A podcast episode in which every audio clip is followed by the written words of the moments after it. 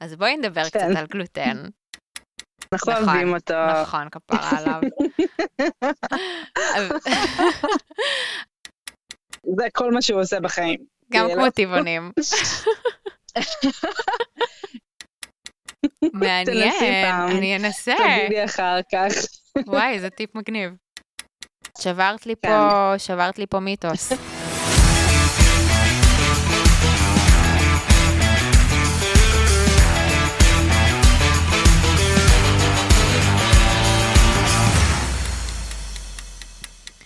שלום וברוכים וברוכות הבאות לעוד פרק בפודקאסט לא אפויה, שבו אני מדברת על בישול, אפייה, טבעונות ומה שביניהם. אני כאן באדיבות אולפן ההקלטות של בית אריאלה, תודה רבה. והיום אני הולכת לארח כאן אורחת מיוחדת, מהממת, טלפונית לצערי ולא פרונטלית, כי היא גרה רחוק ממני. קוראים לה שחר קידר. היא בעלת העסק שושה של אה, סדנאות בישול ואפייה מגבשות, חווייתיות וכיפיות. היא טכנולוגית מזון וקונדיטורית ואוהבת אוכל מושבת. היא ממש חוקרת uh, כל דבר שקשור לאוכל שמעניין אותה. היא, בגלל שהיא טכנולוגית מזון וקונדיטורית, אז היא גם מכירה את כל התהליכים שקורים ככה מעבר, ולכן נורא רציתי uh, לארח אותה, גם כי היא קולגה, היא לא טבעונית, הסדנאות שלה לא טבעוניות, אלא אם כן uh, תבקשו, אבל היא מאוד מאוד מוכשרת, אני מאוד מתחברת גם לסגנון שלה ולאישיות שלה, אז היא קולגה מאוד מוערכת בעיניי, אז מאוד רציתי לארח אותה, כי אני יודעת שיש לה תשובות לכל השאלות שלי של המעבר, שלי קשה לי ככה תמיד לתפוס את המידע הזה, וגם מה שכן למדתי בקונדיטוריה מהבחינה הכימית של החומרים, אני לא זוכרת את הכל, הדברים האלה לא נכנסים לי למוח, כי אני פחות מתחברת לתהליכים האלה, אבל זה כן מעניין בעיניי. אז בפרקים הקודמים, ובכלל אני נותנת uh, כאן את ההסברים המובנים, הבסיסיים, הנגישים, וחשבתי שיהיה נחמד לעשות פרק שכן מתעסק גם בלמה ואיך של המעבר, שמי שזה מעניין אותו או אותה, תוכלו להבין את זה ממש כמו שצריך, ואני, כמו שאני אומרת, כשאנחנו מבינים ומבינות מעבר, אז יותר קל לנו להבין את כל השאר. ידע זה כוח, ואני חושבת שזה גם שימושי וגם מעניין. אז יהיה גם טוב לי וגם uh, כולנו. אז uh, אני הולכת להעלות אותה על הקו, בואו נראה איך זה הולך. הלו, היי. היי, יש. יש, הצלחנו. אז uh, בדיוק הצגתי אותך לקהל ההקלטה שלנו. איזה כיף. אז uh, שחר, איזה כיף שאת פה, גם אם זה וירטואלית. ממש כיף. אז uh, ברוכה הבאה uh, ללא אפויה. ואנחנו נדבר קצת על התהליכים הקסומים שקורים לנו ב... בדרך לאפייה, כדי שנבין יותר טוב לנו. את הכל. כן, ממש כיף. אז. בדיוק הסברתי שאני ככה פחות אה, יודעת או זוכרת את כל המידע שקשור לכימיה והדברים האלה, זה פחות נקלט לי במוח, אבל אני חושבת שזה ממש מעניין. ושאם. שאם אנחנו מבינות קצת את התהליכים שקורים, אז יותר קל לנו להבין למה אנחנו בוחרות בחומרים מסוימים, או למה אנחנו צריכות לעשות דברים בטכניקה מסוימת, ואז גם יותר קל לנו לזכור באמת לעשות את זה, ובאמת שהצליחו לנו המתכונים. ואני חושבת שיש כמה לגמרי. אניגמות באפייה הטבעונית, שאומנם את לא טבעונית, אבל הידע שלך ממש יכול לשרת אותנו בדברים האלה, כדי שנבין באמת מה קורה שם. לגמרי, לגמרי. יש מלא נושאים שאפשר לדבר עליהם. את רוצה שנתחיל מההבדל בין אבקת אפייה וסודה לשתייה? כן, אז האמת שיש אה, אה, עוד פרק שהקלטתי שהוא על זה, שלא, עוד לא ערכתי אותו ועוד לא השמעתי לך, אז, אבל כן אני מדברת שם באופן כללי על ההבדלים שאני רואה ביניהם ואיך אה, הכל עובד, אבל אז איתך באמת ניכנס להסברים היותר אה, מדעיים, בואי נגיד. אז כאילו הסברתי שם כבר שאבקת אפייה מכילה סודה לשתייה וכל הדברים האלה, אבל בואי תסבירי לנו באמת אה, ככה לעומק את הדברים האלה. מהמם. ההבדל העיקרי בין אבקת אפייה וסודה לשתייה זה באמת שבאבקת אפייה יש לנו גם סודה לשתייה, אבל יש לנו גם איזושהי חומצה יבשה. ולכן באבקת אפייה צריך רק להוסיף נוזל כדי שהיא תתחיל לעבוד, ולעומת זאת בסודה לשתייה אנחנו צריכים להוסיף גם נוזל וגם חומצה, כדי שיהיה את הריאקציה הזאת שתיצור לנו את, ה, את הבועות בעצם, שיצפיחו לנו את העוגה. הריאקציה הזאת מייצרת פחמן דו-חמצני, שזה תהליך נורא נורא דומה למה שקורה בשמרים, פשוט שפה זה לא ייצור חי, זה ריאקציה כימיקלית, שקורית בין בסיס לחומצה, כי סודה לשתייה זה בסיס, אה, והוא חייב איזושהי חומצה כדי לפ... לייצר את, ה... את הבועות האלה, לייצר את הגז הזה. ואז להצפיח לנו את העוגה. מתי שאנחנו רוצים להשתמש ב, בדברים חומציים במתכון שלנו, נגיד עוגת לימון, או דברים עם uh, יוגורט, או עם כל דבר חומצי אחר, אז מאוד נוח להשתמש בסודה לשתייה, כי אז יש לנו כבר את החומציות שאנחנו צריכים כדי ליצור את הריאקציה. לעומת זאת, אם אנחנו עושים סתם עוגיות חמאה, או כל דבר אחר שאין בו חומציות, אז הרבה יותר נוח יהיה להשתמש באבקת אפייה. Uh, בגלל שיש בה, בה כבר חומציות, ואז אנחנו לא נצטרך להוסיף עוד משהו חומצי. עכשיו, למה תמיד אומרים שצריך להוסיף גם וגם, את יודעת? האמת, באתי לשאול אותך, אני הרבה פעמים ממש אוהבת לשים גם אבקת אפייה וגם סודה לשתייה, ואני פשוט מרגישה שזה עובד יותר טוב, אבל אני לא יודעת להסביר את זה, אז בואי תסבירי לנו. לגמרי עובד יותר טוב, כי יש לך פה שתי ריאקציות שקורות, גם מאבקת אפייה וגם מהסודה לשתייה. וזה באמת למה, זה אחת הסיבות שאומרים לשים את שניהם, כדי שיהיה לנו גם כוח הרבה יותר חזק שירים לנו את העוגה, ירים לנו את המעשה.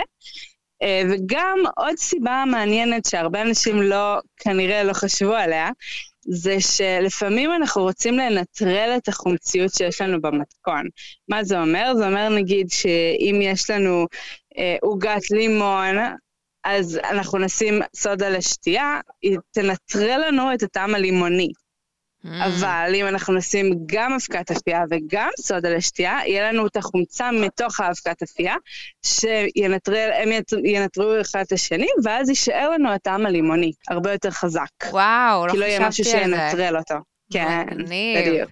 נכון מעניין? זה הרבה אנשים לא יודעים. מגניב. אני גם חשבתי על זה שהרי היתרון, גם יתרון באבקת אפייה, זה שבזכות זה שכל החומרים שם אה, הם... עם הריאקציות, הכל זה ככה יבש בפנים וגם עם קורנפלור, נכון? עם המילן שככה מעכב את הריאקציה. אז זה עוזר לנו mm-hmm. ככה לשלוט בריאקציה, כי נגיד, תקני אותי אם אני טועה, אבל אם אני משתמשת נגיד רק בסודה לשתייה ומשהו חומצי, אז כבר ישר מתחילה לי התסיסה בתוך הבלילה, ואני ישר צריכה להכניס את זה לתנור וככה להשתלט על העניינים. ואם אני משתמשת באבקת אפייה, אז זה, זה כאילו כזה מעכב, הכל בסדר, בוא נחכה עם זה, וכשזה בתוך התנור, אז, אז זה ממש אה, כל הקסם קורה, ואז זה לא נורא אם העוגה תעמוד עשר דקות, או שאני יכולה לשים את זה במקרר בינתיים, או משהו כזה, נכון? נכון, זה ממש נכון. סודה לשתייה, הריאקציה קורית מיד.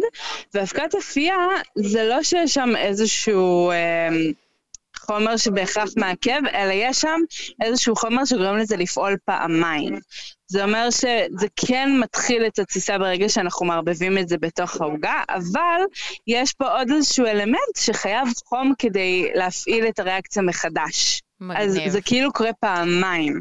ובגלל זה אפשר להשאיר אה, דברים מאבקת אפייה בחוץ, לעומת סודה לשתייה, שחייבים ישר להכניס לתנור כמה שיותר מהר, כדי לא לאבד את הבועות בעצם שנוצרו. מהמם. זה ממש מעניין. לגבי חום באמת, אז גם אם אני משתמשת בבלילה שלי, אם נגיד חלק מהנוזלים אני שמה אותם חמים ישר לתוך הבלילה, אז זה גם מביא לריאקציה, לא? באופן כללי כל נוזל יכול להביא לריאקציה, אבל אם שמים נוזלים רותחים, זאת אומרת חום ממש ממש גבוה, אז זה יכול להפעיל את האבקת אפייה בפעם השנייה, ואז אנחנו בבעיה, כי אז בתנור לא יקרה כלום. צריך להיזהר עם זה. אז את לא ממליצה? אבל um, אני פשוט ממליצה לשים לב שבדרך כלל, תראי, בדרך כלל בעוגות אנחנו מערבבים את כל הרטובים ביחד ואז את כל היבשים ביחד. אז אני ממליצה אולי לערבב את הרטובים עם המים הרותחים, נגיד אם צריך, ורק אז להוסיף את היבשים אחרי שזה טיפונת מתקרר. כאילו זה, זה עדיין, זה לא יפעיל את זה, כי אנחנו צריכים חום די גבוה כדי להפעיל את זה, ומים מגיעים רק למאה, מן הסתם.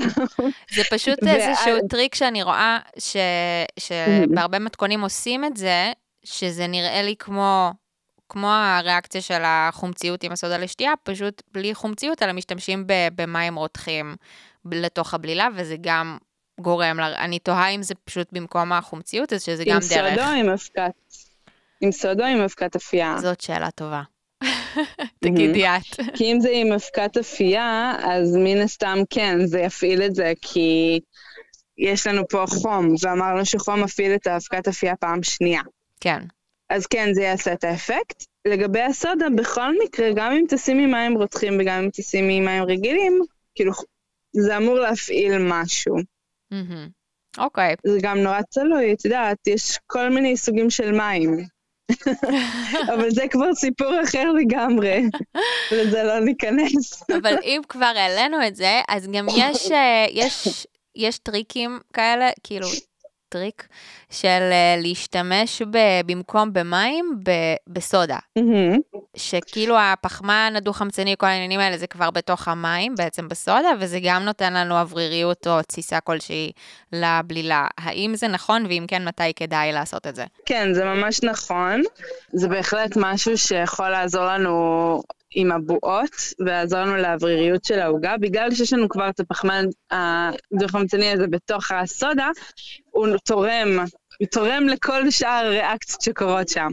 וגם צריך לזכור שבגלל שזה מים אה, שעברו איזשהו תהליך, הם טיפה יותר חומציים ממים רגילים, אז שוב, זה גם עוזר לנו לריאקציה של הסודה ושל האבקת אפייה. וכן, כן, זה יכול לעזור, אני הייתי ממליצה להשתמש בזה ב...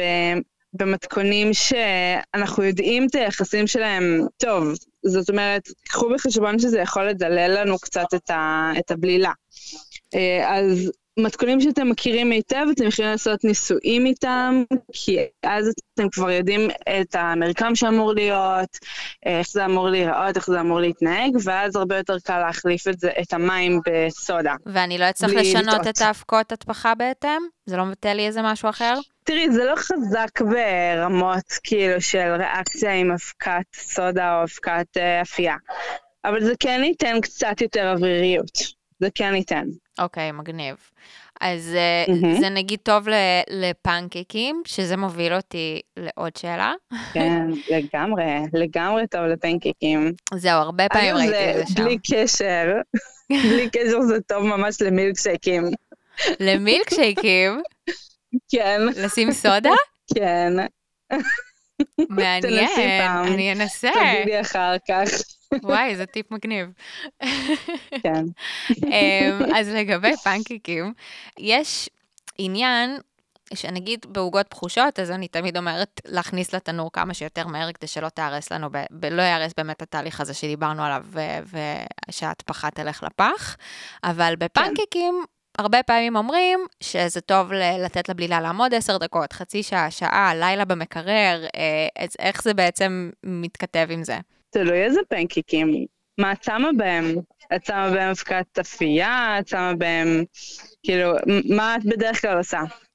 זה נורא תלוי, זה בדיוק העניין, שאם אתם משתמשים בסודה. לשתייה... לא. זהו, אני מניחה שזה mm-hmm. רק שזה, אם זה רק אבקת אפייה. זהו, בדיוק. ואז יש לנו את העניין הזה של הריאקציה השנייה, שקורית על המחבת בחום. Mm-hmm. ואז בעצם זה שמעמידים את הבלילה, זה פשוט מאפשר לזה שהבלילה תהיה יותר חלקה, הסוכר יימס כמו שצריך, כל הטעמים ישתלבו כמו שצריך ביחד, ואז אה, זה, בעצם נותן טעם יותר טוב מהבחינה הזאת, וזה גם מאפשר לגלוטן להתחיל להתפתח קצת יותר טוב. Mm, אם כן. כבר העלית את העניין עם הגלוטן, אז בואי נדבר כן. קצת על גלוטן. יאללה, בוא נדבר על גלוטן. כי אני תמיד מדברת על גלוטן בהקשר של אה, בצק פריך מול בצק שמרים וקמחים והדברים האלה, אבל אה, כשדיברתי איתך אז באמת העלית נקודה נורא מעניינת, שאפשר לדבר על זה גם בהקשר של עוגות פחושות, שגם פה יש דברים חשובים לדעת, אז בואי, בואי תפרסי את משנתך. כן, אז גלוטן, האהבה שלי. זה בעצם חלבון, זה מה שהרבה אנשים לא יודעים. זה חלבון שעשוי משתי חלבונים קטנים יותר, שנקראים גלוטנין וגליאדין. וברגע שאנחנו מערבבים קמח עם איזשהו נוזל, הם מתחילים להתחבר ביניהם. עכשיו, כשלשים, הם מתחברים הרבה יותר, בצורה הרבה יותר יעילה והרבה יותר מהר. ולכן צריך תמיד לזכור שבעוגות פחושות, ככל שאנחנו נערבב יותר, אנחנו כאילו לשים.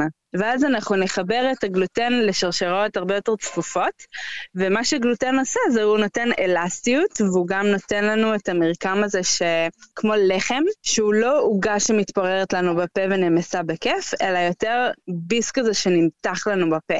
וזה משהו שפחות אנחנו רוצים בעוגות תחושות, אנחנו יותר רוצים מרקם שמתפורר לנו בפה, ולכן חייבים כמה שפחות לערבב. ברגע שזה אחיד, זהו, להפסיק. אחרת אנחנו לשים, אנחנו פשוט לשים את הבלילה. ואז, אתה אה, גלוטן מתפתח, יש רשת, ואז זה נהיה יותר, יותר לחם מאשר עוגה. אז זה בקצרה על גלוטן. מעניין. ממש חשוב. זה באמת נקודה כן. חשובה. ואם כבר אמרת לחם, אז אה, באמת. זה, זה פתאום אה, נופל לי כזה אסימון. יש את הקטע הזה של, אה, זה מאוד מאוד אמריקאי, של banana bread, ו, ועוד. ויש להם banana bread, ואז הם לקחו כל מיני עוגות בחושות ועשו לזה גרסת bread, כאילו לחם. נכון. ו... zucchini bread, banana bread. כן, אז שבתכלס מדובר בעוגה בחושה. אני, אני. כאילו תוהה, לדעתי ההבדל זה פשוט במרקם, נכון? כן, זה הבדל מרקמי שהוא פשוט קצת יותר דומה ללחם, וזה באמת כי מערבבים את זה טיפה יותר זמן, ואז מפתחים את רשת הגלוטן, ואז יש, לך, יש לנו עוגה שהיא יותר דומה ללחם מאשר עוגה. אז נגיד... זה מין משהו אה, היברידי כזה. אז נגיד אני רוצה לקחת עוגה פחושה ולהפוך אותה לגרסת הלחם, אז אני אערבב אותה יותר זמן, וגם תמיד הנחתי שצריך קצת יותר קמח לדבר כזה, לא? זה תלוי שוב נורא בבלילה שלך. אם הבלילה שלך היא סופר נוזלית כמו פנקק, אז מן הסתם יהיה נורא קשה לחבר את הגלוטן, כי יש לנו יחס של מים יותר גדול מקמח. אז, אז זה יהיה נורא דליל וזה יישאר דליל. אבל אם יש לנו עוגות תחושות לפעמים שהן נורא דומות לכזה בלילה קשה יותר, זה הרבה יותר קל להפוך אותו למרקם של לחם, כי היחס בין המים לקמח הוא הרבה יותר נמוך, ואפשר, הגלוטן מתחבר בצורה הרבה יותר יעילה ויותר מהירה, כי יש לו בעצם לאן להאחז, כאילו יש פחות מים חופשיים ש... שהוא שוחה בתוכם. אז יותר קל לו להתחבר. מגניב. זה הגיוני. כן. אוקיי, יופי. אז uh, האמת שאני עוד הולכת לעשות פרק על uh, בצק פריך ועל uh, בצק שמרים, אבל uh, mm-hmm. אני כן אנצל את ההזדמנות שאת פה כדי לדבר איתך על דברים שאני לא יודע לדבר עליהם, או שאני לא ארצה להרחיב עליהם כשאני כבר מרחיבה על כל הנושא הזה. אז בואי mm-hmm. נמשיך רגע לדבר על גלוטן. בעצם גם אני תמיד מסבירה את הקטע הזה על, על הרשתות גלוטן, שאני אומרת, למה אנחנו צריכות בדרך כלל מיקסר עם וו לישה בשביל בצק שמרים, ושזה יעלו שבע דקות, כי הליש... ושיהיה גם את הבוקסינג הזה, שזה, שזה מטיל את הבצק כזה על, על הקערה. כן. כי זה בעצם הלישה הזאת שהיא ממש מחזקת את הרשתות גלוטן, והיא נותנת לנו את המרקם הזה שאת מדברת עליו, שאפשר לבצוע חתיכת חלב, ואת ממש רואה את, ה... את השפיץ הזה. החוטים. של... כן. ושבבצק פריך, בגלל שאנחנו רוצות את ההפך, אנחנו רוצות בצק שמתפורר, והוא פריך בעצם, אז אני לא רוצה רשתות גלוטן, ואני חייבת ללוש כמה שפחות הבצק, ולכן הכי אידיאלי לעשות את זה במעבד מזון, שזה פחות חום ופחות עיבוד בעצם. ואפילו... שגם אז... כן. אני לא ממליצה לעשות במעבד מזון, אני ממליצה לעשות את זה ידנית. כי גם מעבד מזון יש לו המון כוח. Mm-hmm. וזה כן יפתח יותר את הגלוטן ממה ש... מה שאם נעשה את זה עם הידיים בעצם, שאין לנו המון המון כוח בידיים, אנחנו לא מכונה. אז באמת בצק פריך, אם רוצים שהוא יהיה סופר פריך, אני ממליצה לעשות את זה עם הידיים, אה, אבל אם באמת אין כוח, אז מעבד מזון עדיף ממיקסר. וואי, זה שאמרת. מעניין, כי אני מרגישה כאילו גם שה... יש את העניין שיש לנו, יוצא לנו חום מהידיים יותר ממה שאנחנו מודעות אליו, שזה גם לחמם נכון. את הבצק הזה, זה לא טוב. אני מרגישה גם שאני צריכה ללוש יותר כשאני עושה את זה ידנית, מאשר שהמעבד מזון יאבד את הבצק, כדי להגיע למרקם שהוא אחיד, ואז אני מרגישה שאני מאבדת אותו יותר מהמעבד מזון. אז את לא בהכרח מאבדת אותו יותר, בגלל שהכוח, תחשבי, הכוח שהמעבד מזון מפעיל, הוא פי עשר יותר חזק מהכוח שאת מפעילה. Mm-hmm. אפילו יותר, כאילו למנוע יש כוח מטורף. במיוחד אם את משתמשת במג'י מיקס, שזה באמת מעבד מזון חזק. כן. ואז, עזבי שנייה את החום, הפעולה שאת עושה, האיחוד הזה, מחבר את הגלוטן הרבה יותר מהר, כי גלוטן אוהב כוח, ככל שמפעילים עליו יותר כוח, הוא מתחבר יותר יעיל, יותר מהר. ובגלל שהידיים שלנו לא כאלה חזקות, היא תמיד יצא לך מרקם הרבה הרבה יותר טוב כשאת עושה את זה עם הידיים מאשר עם המעבד מזון. מעניין. הרבה יותר בריא. את שברת לי כן. פה, שברת לי פה מיתוס. בקונדיטוריה וגם, תמיד היינו עושות עם. מעבד מזון. כן, כי זה יותר קל. כן, כן. Uh, תראי, זה גם יוצא טוב, פשוט um, אם, אם נגיד עושים כמויות קטנות, או עושים משהו שהוא באמת, יש לך זמן רגע להתעסק איתו ובכיף, אז באמת עדיף עם הידיים. וגם, כשאנחנו עושים את הפעולה הזאת של לפורר את החמאה לתוך הקמח והסוכר וכל היבשים, מהמם. אנחנו משתמשים בעיקר באצבעות, ומהאצבעות יש פחות חום מאשר מכפות הידיים. נכון, אז אז, בעצם אה, הפעולה הסופית עם הנוזל, אז אה, אז לישה שהיא לא כל כך ארוכה והיא עם כל היד. והיא גם לא לישה, היא אמורה להיות רק איחוד, רק לחיצה. כן. היא בכלל לא לישה. זה גם מאוד מאוד משפיע. מגניב. אז uh, מיתוס נשבר. יס, מעולה. אז זה גם, גם כן. שאלה לגבי uh, בצק ספידי, זה גם כאילו בצק שאת uh, ישר מערבבת את כל החומרים ויש לך uh, בצק uh, שימושי, שלפעמים מדובר בבצק פריך, ומשתמשים בשביל שזה יהיה כזה מהיר וקל, אז משתמשים במים חמים, שזה כאילו ביג נו נו בבצק פריך, שהכל צריך להיות בו קר. נכון. ואני גם, גם רואה שהמרקם הוא לא... כאילו, מה, מה דעתך לגבי יותר- הבצקי ספידי האלה? הם, הם מאוד נוחים, אף פעם לא תקבלי בצק שהוא באמת פריך ב-100%, כי אין מה לעשות, המים, כל המטרה של החמאה הקרה בתוך הבצק הפריך זה למנוע את החיבורים של הגלוטן. שומן בעצם מקשה על הגלוטן להתחבר. אז ככל שיהיה לנו יותר שומן בתוך המתכון, כמו בבצק פריך, בבריאושים למשל, למה שמים את החמאה בסוף? בגלל שאנחנו לא רוצים לעכב התפתחות של גלוטן. כן.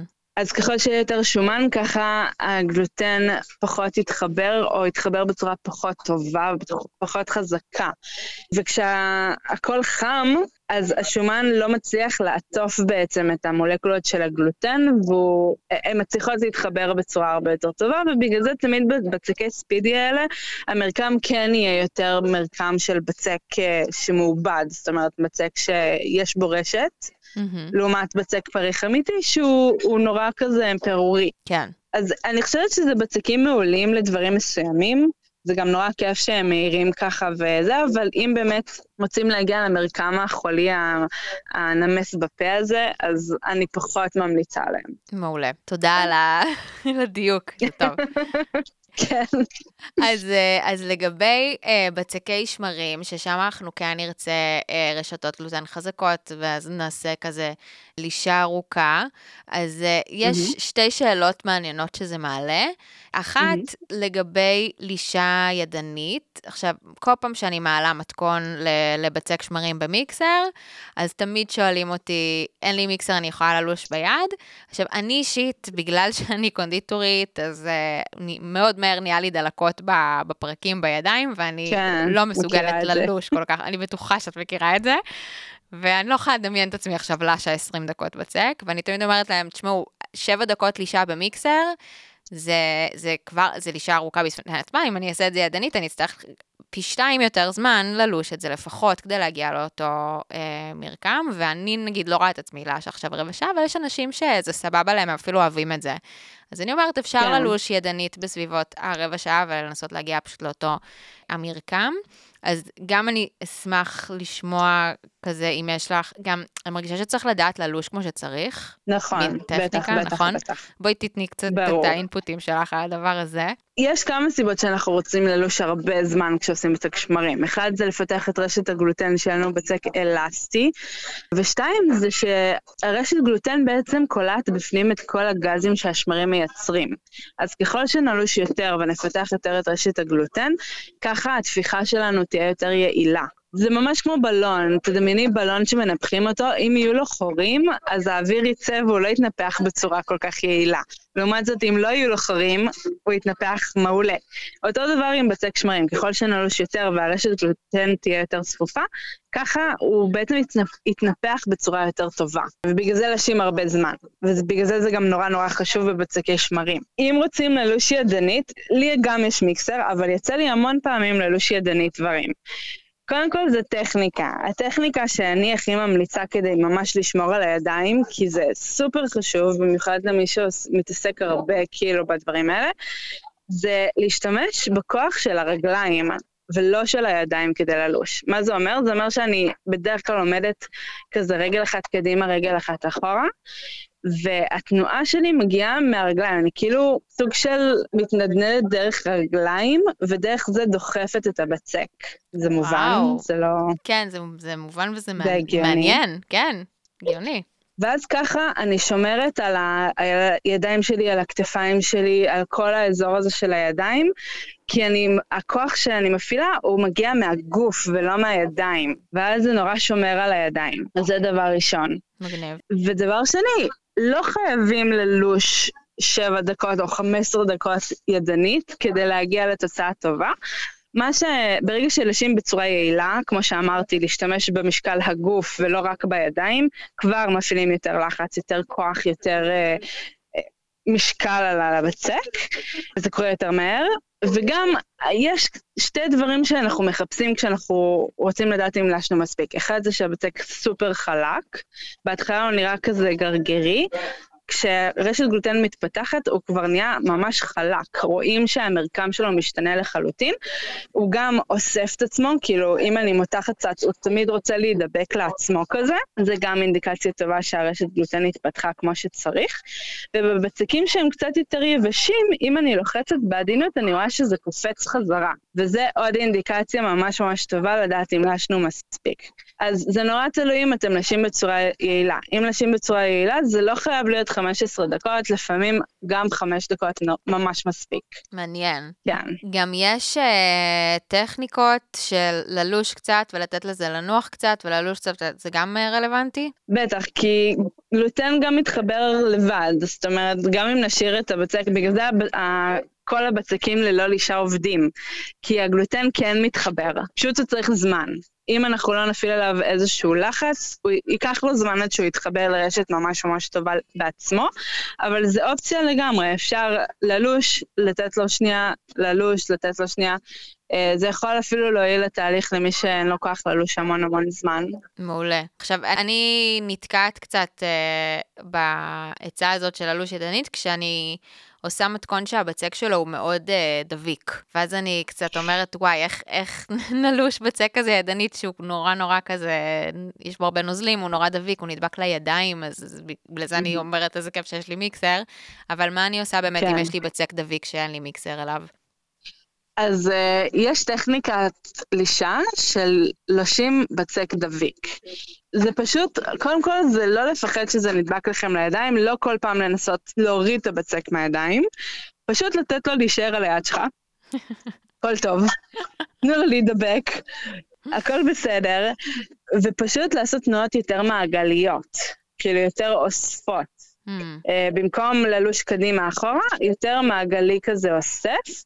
שזה כל הזמן דבוק ליד שלי, ולאט לאט ממש רואים איך הוא נדבק לעצמו, ובסופו של דבר תוכלו אפילו להוריד אותו מהיד, לשטוף ידיים, ו- וזה כבר לא יידבק באותה רמה. זה יידבק קצת, אבל לא באותה רמה. אה, ויש עוד טכניקה שאפשר פשוט לזרוק אותו על השולחן, כאילו להתיך אותו על השולחן. וזה נורא כיף להוציא את זה ככה אגרסיות. וואי, באמת נשמע כיף. זורקים, זורקים אותו על השולחן, עוד פעם, זורקים, זורקים, זורקים, ובסופו של דבר הפעולה הזאת של המכות, כמו שבמיקסר זה נותן מכות, אותו דבר על השולחן נותנים מכות, זה לאט לאט מחבר את רשת הגלוטן. וואי, זה נשמע כיף. אני אנסה את זה. זה ממש כיף, תנסי, כן, זה ממש כיף. מעולה. אה, אז כן. באמת, אם יש לי בצק ללא לישה, זה גם נושא שהוא מאוד מעניין בעיניי, שגיליתי אותו לפני איזה שנה, ש...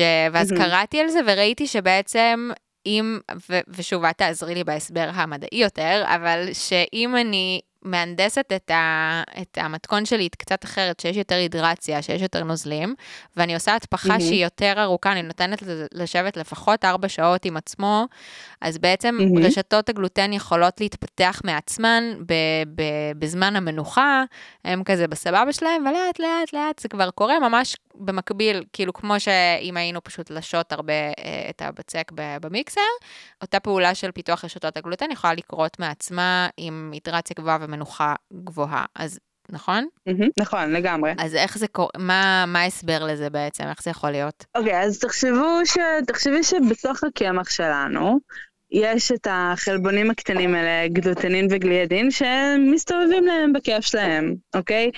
ברגע שמוסיפים להם מים, יש להם מקום לסחוט אחד לשני, אוקיי? תחשבי, כשזה יבש, אז הם לא יכולים לזוז, הם תקועים במקום. ברגע שמוסיפים מים, פתאום יש להם בתוך מה לסחוט ולהגיע אחד לשני ולהתחבר. והם יעשו את זה באופן טבעי כי הם נמשכים אחד לשני. מגניב. אה, הם, חי... הם חייבים מים כדי להתחבר, ולכן ככל שנשים יותר מים, אז הם יוכלו לסחוט בצורה יותר טובה אחד לשני. בגלל זה גם צריך הידרציה טיפה יותר גבוהה. וגם הזמן, כמו שאמרתי, פשוט הזמן שלוקח להם להגיע אחד לשני, הוא הרבה יותר ארוך כשאנחנו לא מפעילים איזשהו לחץ שמקרב ביניהם פיזית. אה, כי הלישה מקרבת ביניהם פיזית, ועוזרת להם להתחבר. Mm. ואם אנחנו פשוט משאירים אותם, הם צריכים לבד להגיע אחד לשני איכשהו. זה יותר קשה כשאף אחד לא עוזר לך. נכון. אז זה לוקח יותר זמן. אה, ובגלל זה באמת צריך הרבה הרבה יותר זמן אה, בבצקים ללא אישה, צריך פשוט לתת להם בין 4 אפילו 12 שעות כדי שבאמת יהיה חיבורים כמו שצריך, אבל גם אז המרקם שיוצא לנו בסוף לא יהיה מרקם עם בועות אחידות. וזה בגלל שהרבה פעמים הלישה עצמה עוזרת לנו לאזן את הטמפרטורה של כל הבצק ואת הבועות גז שהשמרים מייצרים, זה עוזר לאכל אותם. ואז הבועות שנוצרות יותר קטנות, לעומת אם פשוט נשאיר את זה בלי לישה, בלי כלום, יכול להיות שיהיה לנו פתאום כיס ענק של בועת אוויר. מכירה לחם חורים? את מכירה את זה? אני חושבת, לא טבעי ככה קוראים, כאילו, ידעתי שקוראים לזה ככה. לחם מחמצת. כן. לא, אני קוראת לזה ככה. אוקיי. אני קוראת לזה ככה. אה, יש לפעמים לחם מחמצת שיש לו חור ענק. כן. באמצע כזה או בצד. זה בגלל שלא איזנו, כאילו לא, לא פרסנו את הגזים על אורך כל הבצק, אלא רק השארנו מקום אחד שיש מלא מלא גז, mm. וזה פשוט יוצר את הבועה הענקית הזאת. אז זה הרעיון, ברגע שאנחנו חולשים, אנחנו בעצם פורסים את, את הגזים לאורך כל הבצק, מאחדים אותם, וזה יוצר מרקם הרבה יותר אחיד בסוף. מגניב. אז זה טוב. בגלל זה אני יותר אוהבת לישה מאשר לא לישה, אבל גם ללא לישה זה בסדר, זה עדיין עובד. זה, עדיין עובד. זה פשוט טיפה שונה. כן. כן, זה עובד. האמת שזה אפילו עובד, אפילו עובד, יש לי בצק אה, פוקאצ'ה שאני, פוקאצ'ה שאני עושה ללא לישה, ותוך גם 40 דקות זה, זה כבר תכלס מוכן לעבודה, הוא אפילו לא צריך את הארבע שעות. כמובן שזה ככל שאני נותנת לזה תפיחה יותר ארוכה, זה משתפר בטירוף, אבל אני גם נדהמת לג... לראות כל פעם שגם אם אני משתמשת בזה בתוך 40 דקות, זה כבר, אני יכולה לעשות מזה פוקאצ'ה ממש טעימה ורכה והכול. זה כאילו קסום כן, בעיניי, כן, מה שקורה לגמרי. שם. קסום. קמח זה דבר קסום, כאילו זה, זה מדהים איך, זה לא, זה אותו חומר גלם שאת יכולה פשוט לשנות טיפה את, את הכמות מים ופתאום יש לך משהו אחר לחלוטין. זה מדהים בעיניי, כל כך ממש. ממש. גם באמת רק מקמח ומים אפשר לעשות כל מיני בצקים טובים, זה רק מקמח ומים, שזה מטורף, מטורף בעיניי. לגמרי. אז באמת נגיד בצק כמו... אה, בצק כזה, ואז נגיד לדימסמים ו- ופילמני ודברים, כיסונים כאלה, אז באמת שזה בעיקר קמח ומים, אז תמיד את כזה מערבבת, ואז את צריכה לתת לזה איזה שעה לנוח. כדי שהוא ישתפר. זה, זה גם בשביל הגלוטן, אה, זה גם בשביל הפיתוח של הגלוטן, אבל זה גם בשביל הרידוד אחר כך, כי בגלל שאנחנו רוצים לרדד את זה סופר דק, סופר סופר דק, כאילו נייר, אה, אנחנו חייבים שהגלוטן יהיה במנוחה, והוא לא יהיה אחרי עבודה. תדמייני שגלוטן זה כמו גומייה. אוקיי? ברגע שלשים את הגלוטן, אנחנו כאילו מותחים את הגומייה. מה היא רוצה לעשות? לחזור. נכון? כן. אז זה בדיוק מה שקורה לגלוטן. אם מנסים ישר אחרי שלשנו אותו, מנסים לרדד אותו, תראי, הוא כל הזמן יחזור לך, זה נכון. מעצבן. אז צריך לתת לו רגע לנוח, לחזור לצורה שלו, כאילו להירגע קצת, ואז אפשר עוד פעם למתוח אותו. זה גם ממש מסביר את העבודה עם uh, בצק שמרים, שלפעמים את כזה בשלב של העיצוב של העוגה, ואת מרדדת וזה כל הזמן קופץ פנימה, ואז את פשוט צריכה נכון. לתת לזה איזה שתי דקות לנוח עם עצמו רגע להירגע. את כזה, טוב, זה ת... בדיוק זה. קח הפסקה רגע, ותירגע כן. ותחזור אליי, ואז את מרדדת אותו והוא הוא כמו חמאה פתאום. זה בול זה. זה הגלוטן. אין, הגלוטן ש... הגלוטן הזה זה הכל. זה הכל, אבל הוא כזה היי מיינטננס, כמה תנאים הוא צריך. לא, חמוד, אנחנו נכון, אוהבים אותו. נכון, כפרה עליו. אז באמת, אני, אני אגב חושבת, זה מתחבר לי גם להטפחה של אה, בצקי שמרים.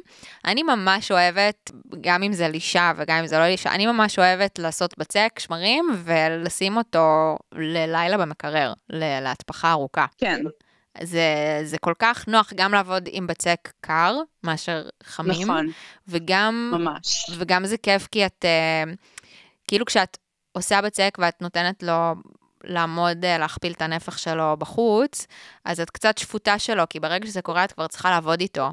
זה לא טוב לתת לו נכון. לטפוח הרבה זמן, אבל כשזה במקרר, אז מתי שבא לך את תשלפי אותו ו- ותעבדי איתו, זה בתנאים שלך, וגם הוא יהיה Mm. נוח יותר. וגם הבנתי שזה משפר את הטעם, נכון? אם נותנים לו טפיחה ארוכה. כן, אני- להסביר לך למה? כן, אוקיי, אז שמרים זה יצור מופלא.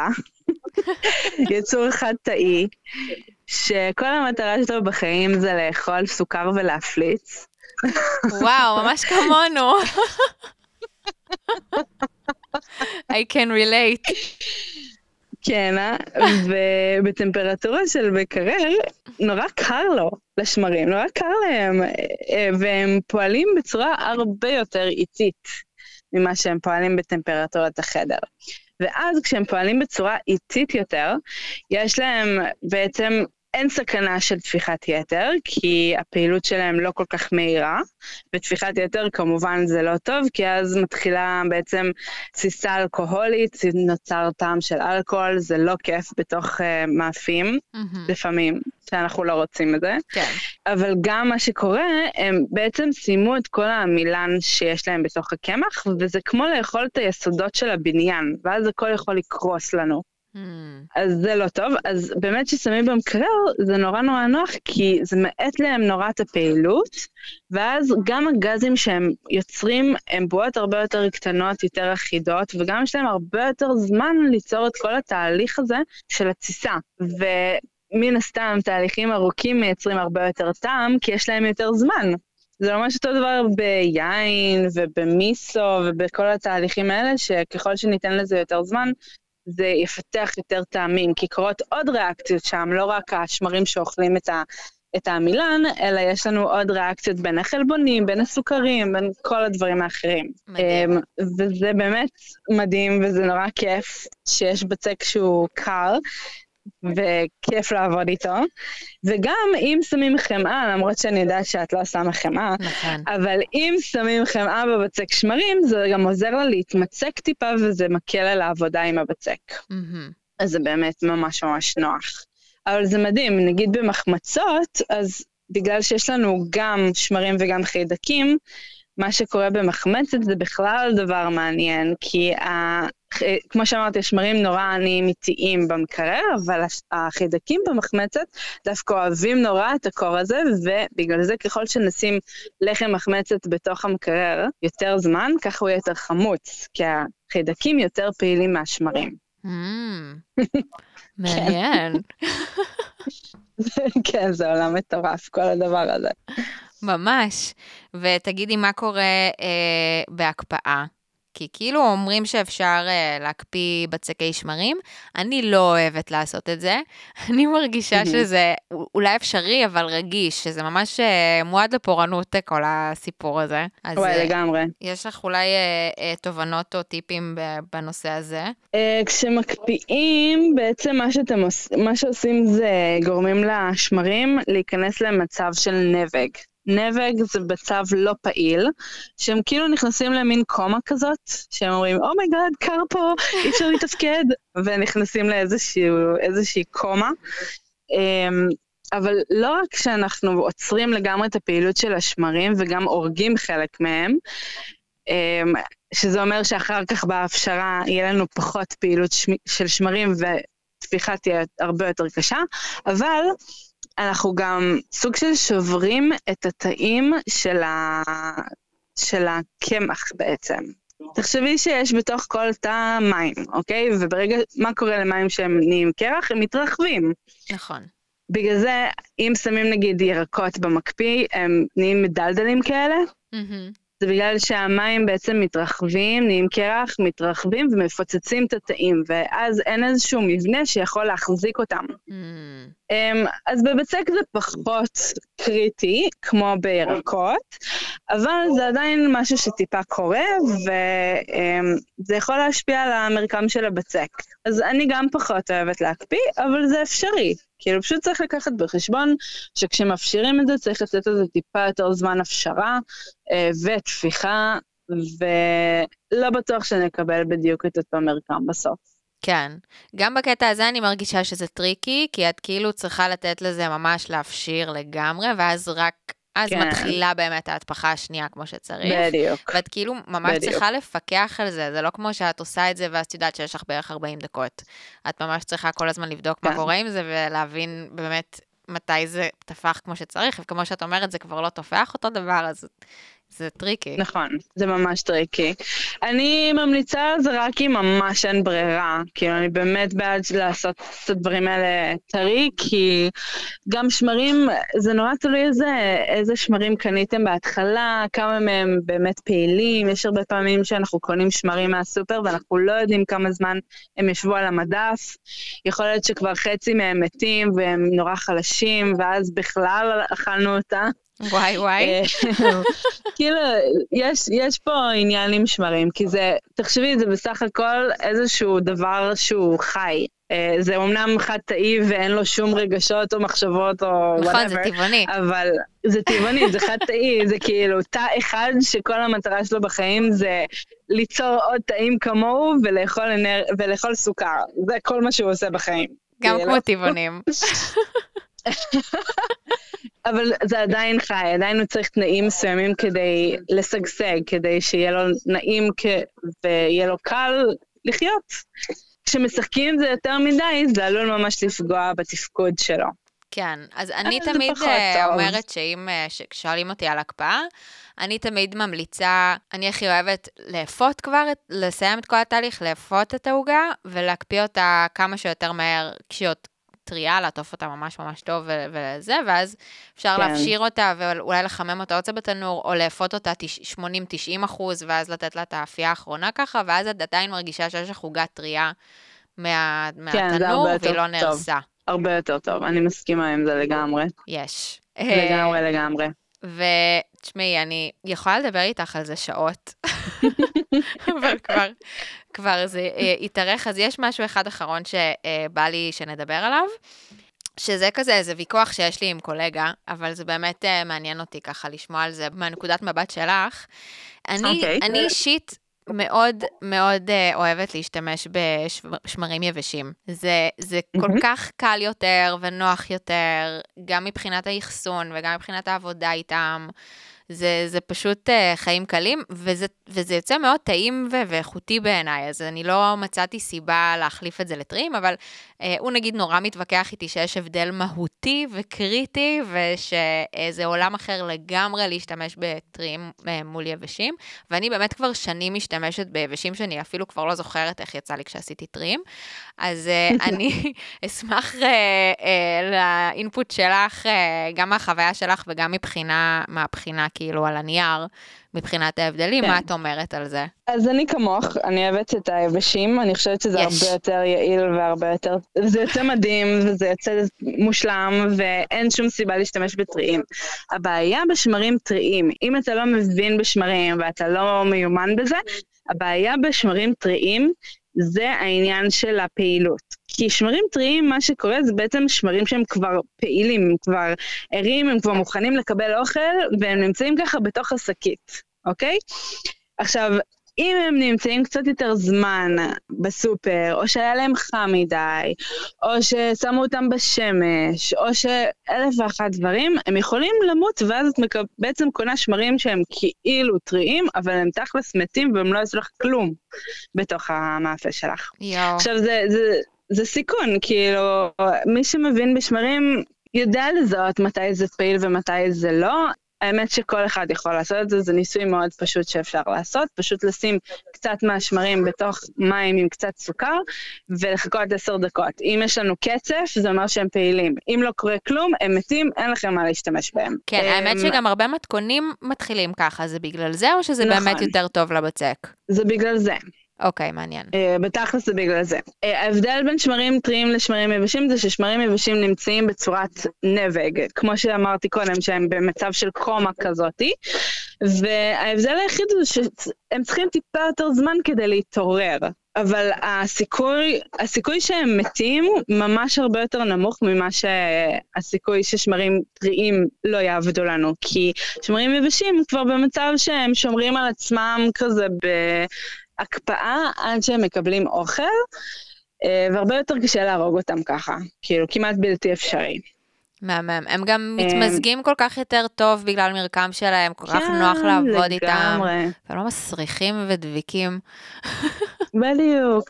שזה גם עניין, כי שמרים אה, טריים, בגלל שהם כבר פעילים, אז יש להם טעם וריח הרבה יותר חזקים. אז כן, יש טיפה הבדל בטעם בסוף, כי הטעם שלהם הרבה יותר חזק, כן. אבל אני פשוט, אני באמת מוצאת ששמרים יבשים זה הפתרון הכי טוב. הם גם נשמרים forever, כאילו, במקפיא. כן. יש לי כאילו, הייתה לי קופסה שהחזיקה שנתיים, כי אני קונה את החבילות הממש גדולות. כן. אז uh, הייתה לי צנצנת שהחזיקה שנתיים במקפיא, כאילו בשימוש כל הזמן, אבל שנתיים במקפיא והם עבדו מדהים עד הסוף. מדהים. אני פשוט בעד, אני חושבת שהם הרבה יותר טובים מהשמרים הטריים.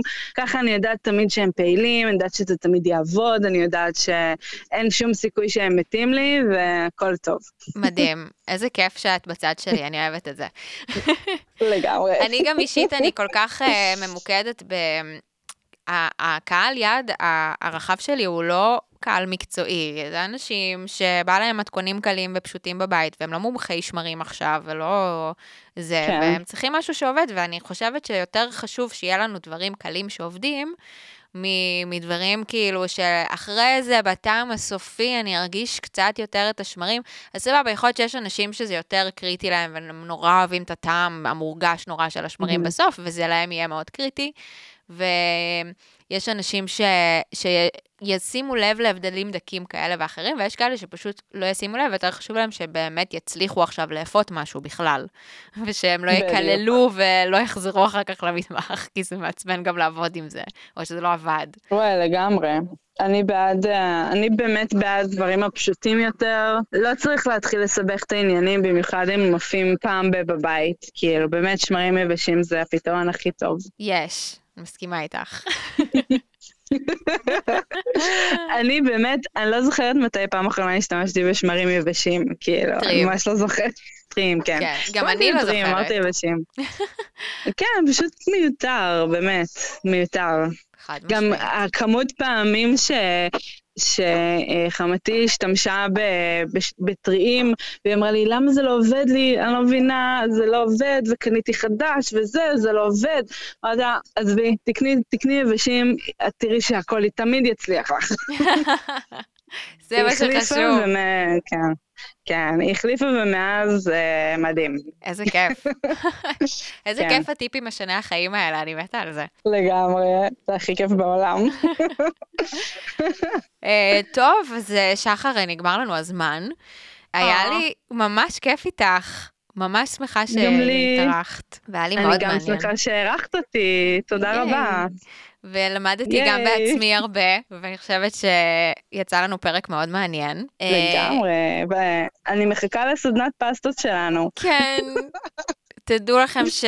ששחר עושה פסטות מטורפות, צבעוניות תודה. ו... ויפות, והיא עושה סדנאות פסטה מדהימות, ואמרנו שברגע שנצליח אה, לאחד כוחות, אז היא תלמד אותי לעשות פסטה טבעונית, אז אני ממש ממש מצפה. לזה.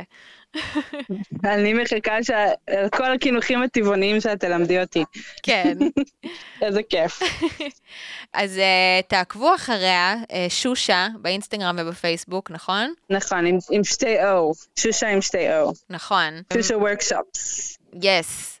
יש לה גם מלא טיפים שם ותכנים מעניינים, והיא תוציא לכם את העיניים עם התמונות של הפסטות והדימסמים והלחם מחמצת שלה, כמו שהיא עושה לי. אז תודה רבה רבה רבה שהיית פה וחלקת איתנו את אה, כל הידע שלך. אה, תודה לך, תודה רבה. ואני אקרא לך לעוד תוכנית, כי היה כיף. לגמרי, יאללה, אני בעד. יאללה, מהמם. אז שיהיה המשך יום מדהים. המשך יום נפלא. תודה. ביי. ביי בינתיים, ביי. אז אה, זהו להיום, פרק כפול שלנו, כי היה גדוש גדוש במידע וטיפים. אה, אני מקווה שהיה לכם מעניין כמו שלי היה מעניין וכיף. אני אשמח לשמוע תגובות, אפשר אה, לכתוב לי בכל המדיות. אם אה, אתם נהנים ונהנות מהפודקאסט שלי, תעשו subscribe, תלחצו על המנוי כדי שתדעו בכל שבוע, בכל פעם שעולה עוד פרק. תמליצו, תפרסמו, תעשו סטורי, תעשו share, שעוד אנשים אה, יגלו על הפודקאסט הזה שהוא עוד לא מוכר מספיק, אז קדימה. ככה אני אוכל להמשיך לייצר לכם עוד תוכן מעניין. ואם יש דברים מסוימים שבא לכם לשמוע עליהם עוד, אז אה, גם מוזמנים ומוזמנות לכתוב לי ולבקש. אז, אה, וכמובן, לעקוב אחריי בפייסבוק ואינסטגרם, ביוטיוב, איפה שתרצו. תודה רבה שוב לאולפן ההקלטות של בית אריאלה, שבזכותם אני כאן, באיכות אה, נהדרת, ונתראה בפרק, נשתמע בפרק הבא. ביי!